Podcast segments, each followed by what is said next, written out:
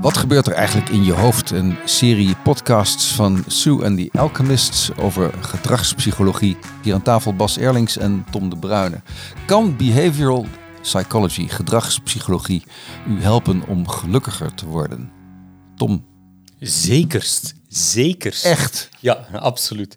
Dat, is een onderwerp. Uh, thanks for asking, Michiel. dat is uh, toevallig. ja, ja. Het is een onderwerp die mij mateloos fascineert. En uh, um, eigenlijk de, de, de vraag is dus van, kan je door je gedrag te veranderen, je gedrag te ontwerpen, eigenlijk ook een gelukkig leven ontwerpen? En ik denk dat de grootste denkfout die we, die we maken in onze zoektocht naar geluk, is dat we eigenlijk het geluk zelf gaan zoeken. En dat, dat, hoe meer je gaat zoeken naar geluk, hoe minder dat je het gaat vinden. En wat, wat zegt eigenlijk de psychologie over geluk, is dat geluk eigenlijk meer een soort bijproduct is. Een soort, wat, wat ook zo'n mooi term is, een emerging property. Iets wat voortvloeit uit andere, uit andere gedragingen.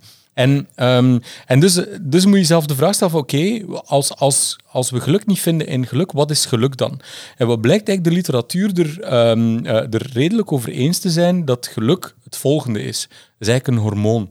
En sterker nog, het zijn eigenlijk vier hormonen. En dat is mega interessant om dat eens als uitgangspunt te nemen. Dus er zijn vier hormonen die geassocieerd worden met een gevoel van geluk. Je hebt dopamine, serotonine, oxytocine en endorfine.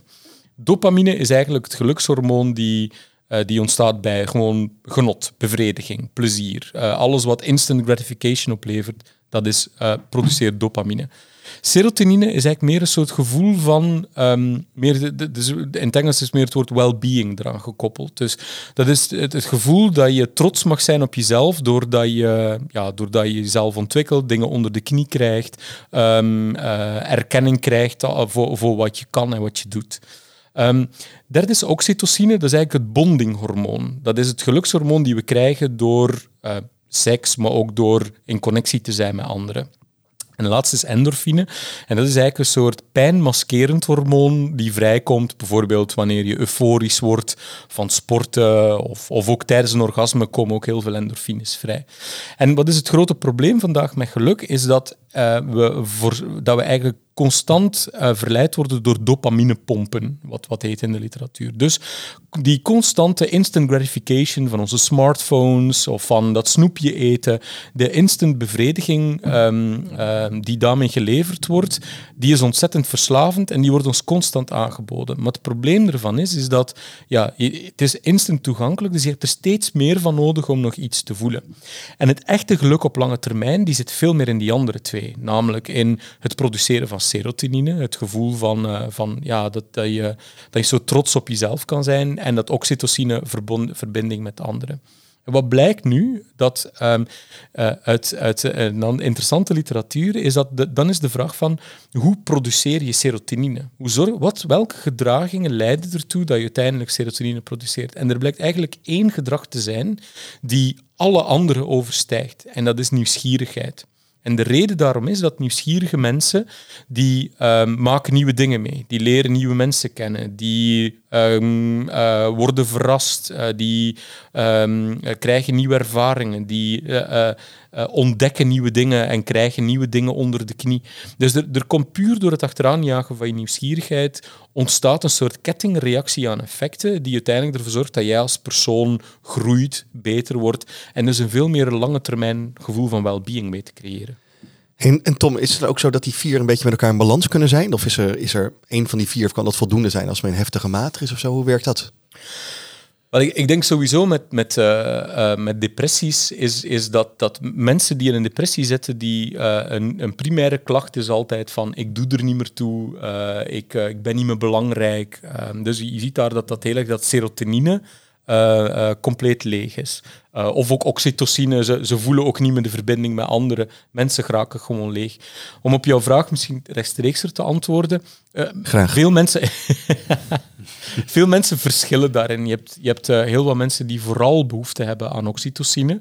Dus het gevoel van verbondenheid met anderen. En helemaal geen behoefte hebben bijvoorbeeld aan avontuur die vooral endorfines creëert. Um, maar er is wel één, um, één rode draad. En het is wel degelijk dat uh, het, het continu nieuwsgierig blijven en, en een plek kunnen geven aan de nieuwsgierigheid in je leven. Ook al kom je daardoor dingen tegen waardoor je faalt of dingen mislukt. En dat is ook weer het prachtige. We kunnen ook hier gedragspsychologie gebruiken om mislukkingen die we, die we tegenkomen te herframen. Namelijk, het zijn gewoon een interessant experiment geweest, een prototype. En we hebben iets geleerd wat niet werkt, waardoor we, waardoor we heel blij mogen zijn. Puur door het zo te herframen hoef je nooit meer bang te zijn dat je, dat je met iets mislukt in het leven. Um, maar, maar het is dus, ja, die nieuwsgierigheid is echt wel een, een heel belangrijke driver voor een soort lange termijn geluk. En dat betekent niet dat we met z'n allen moeten naar stripclubs gaan en, uh, en gaan, uh, gaan diven of skydiven. Het kan ook, kan ook beperkt. En, en, is het dan die nieuwsgierigheid op zich? Of is het doordat je nieuwsgierig bent, ben je in beweging, maak je dingen mee, gebeuren er bijzondere dingen? Dat is die. Het is, het is een, een gedragsbepaler. Nieuwsgierigheid leidt tot bepaalde gedragingen die geluk produceren. En, er zijn ook mensen die zeggen inderdaad, ik hoef die nieuwsgierigheid niet zo, maar ik haal mijn geluk uit mijn verbondenheidsgevoel. Ja. Liefde en uh, vriendenkring en, en, en, dat soort dingen. Ja, kan, kan het zonder? Ik bedoel, kan het zonder nieuwsgierigheid? Nee, we zijn echt uh, uh, door en door sociale dieren. Maar, en, oh, je bedoelt, die, die kan, kan, kan, het geluk van, ver, van verbondenheid zonder nieuwsgierigheid? Ja. ja, weet je, je kan inderdaad een hele leven in verbinding vinden door continu te zeiken met elkaar over anderen. Um, het is een soort passief-agressieve manier om verbinding te zoeken met anderen. Zo van, wij hebben het lekker goed samen omdat we anderen haten ja, de, ja je, je kan dan misschien wel tijdelijk gevoel van geluk hebben dat je mm. verbonden bent. Maar in de praktijk ben je gewoon een beetje een sukkel. Eigenlijk is samen nieuwsgierig zijn is het allermooiste. er, er, er, is een, um, een fantastisch boek van uh, een... Uh, dit is echt zo'n zo, zo, zo eentje van zo'n tegelwijsheid. Samen nieuwsgierig zijn. Zo van, is het de reis of is het de bestemming? Nee, het is het gezelschap. maar er is een fantastisch boek van um, Annie Duke. Zij was een ex-pokerkampioen. Um, uh, en die heeft eigenlijk een boekje geschreven over...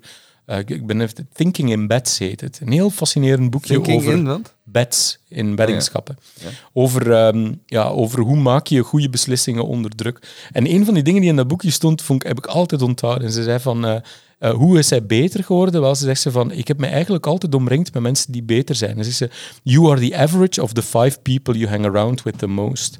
En ik dacht, dat is zo'n waarheid. Als je jezelf alleen al één ontwerpkeuze in je leven, namelijk met wie omring ik mij het grootste deel van mijn tijd, bepaalt compleet de mate waarin dat je vooruitgang maakt.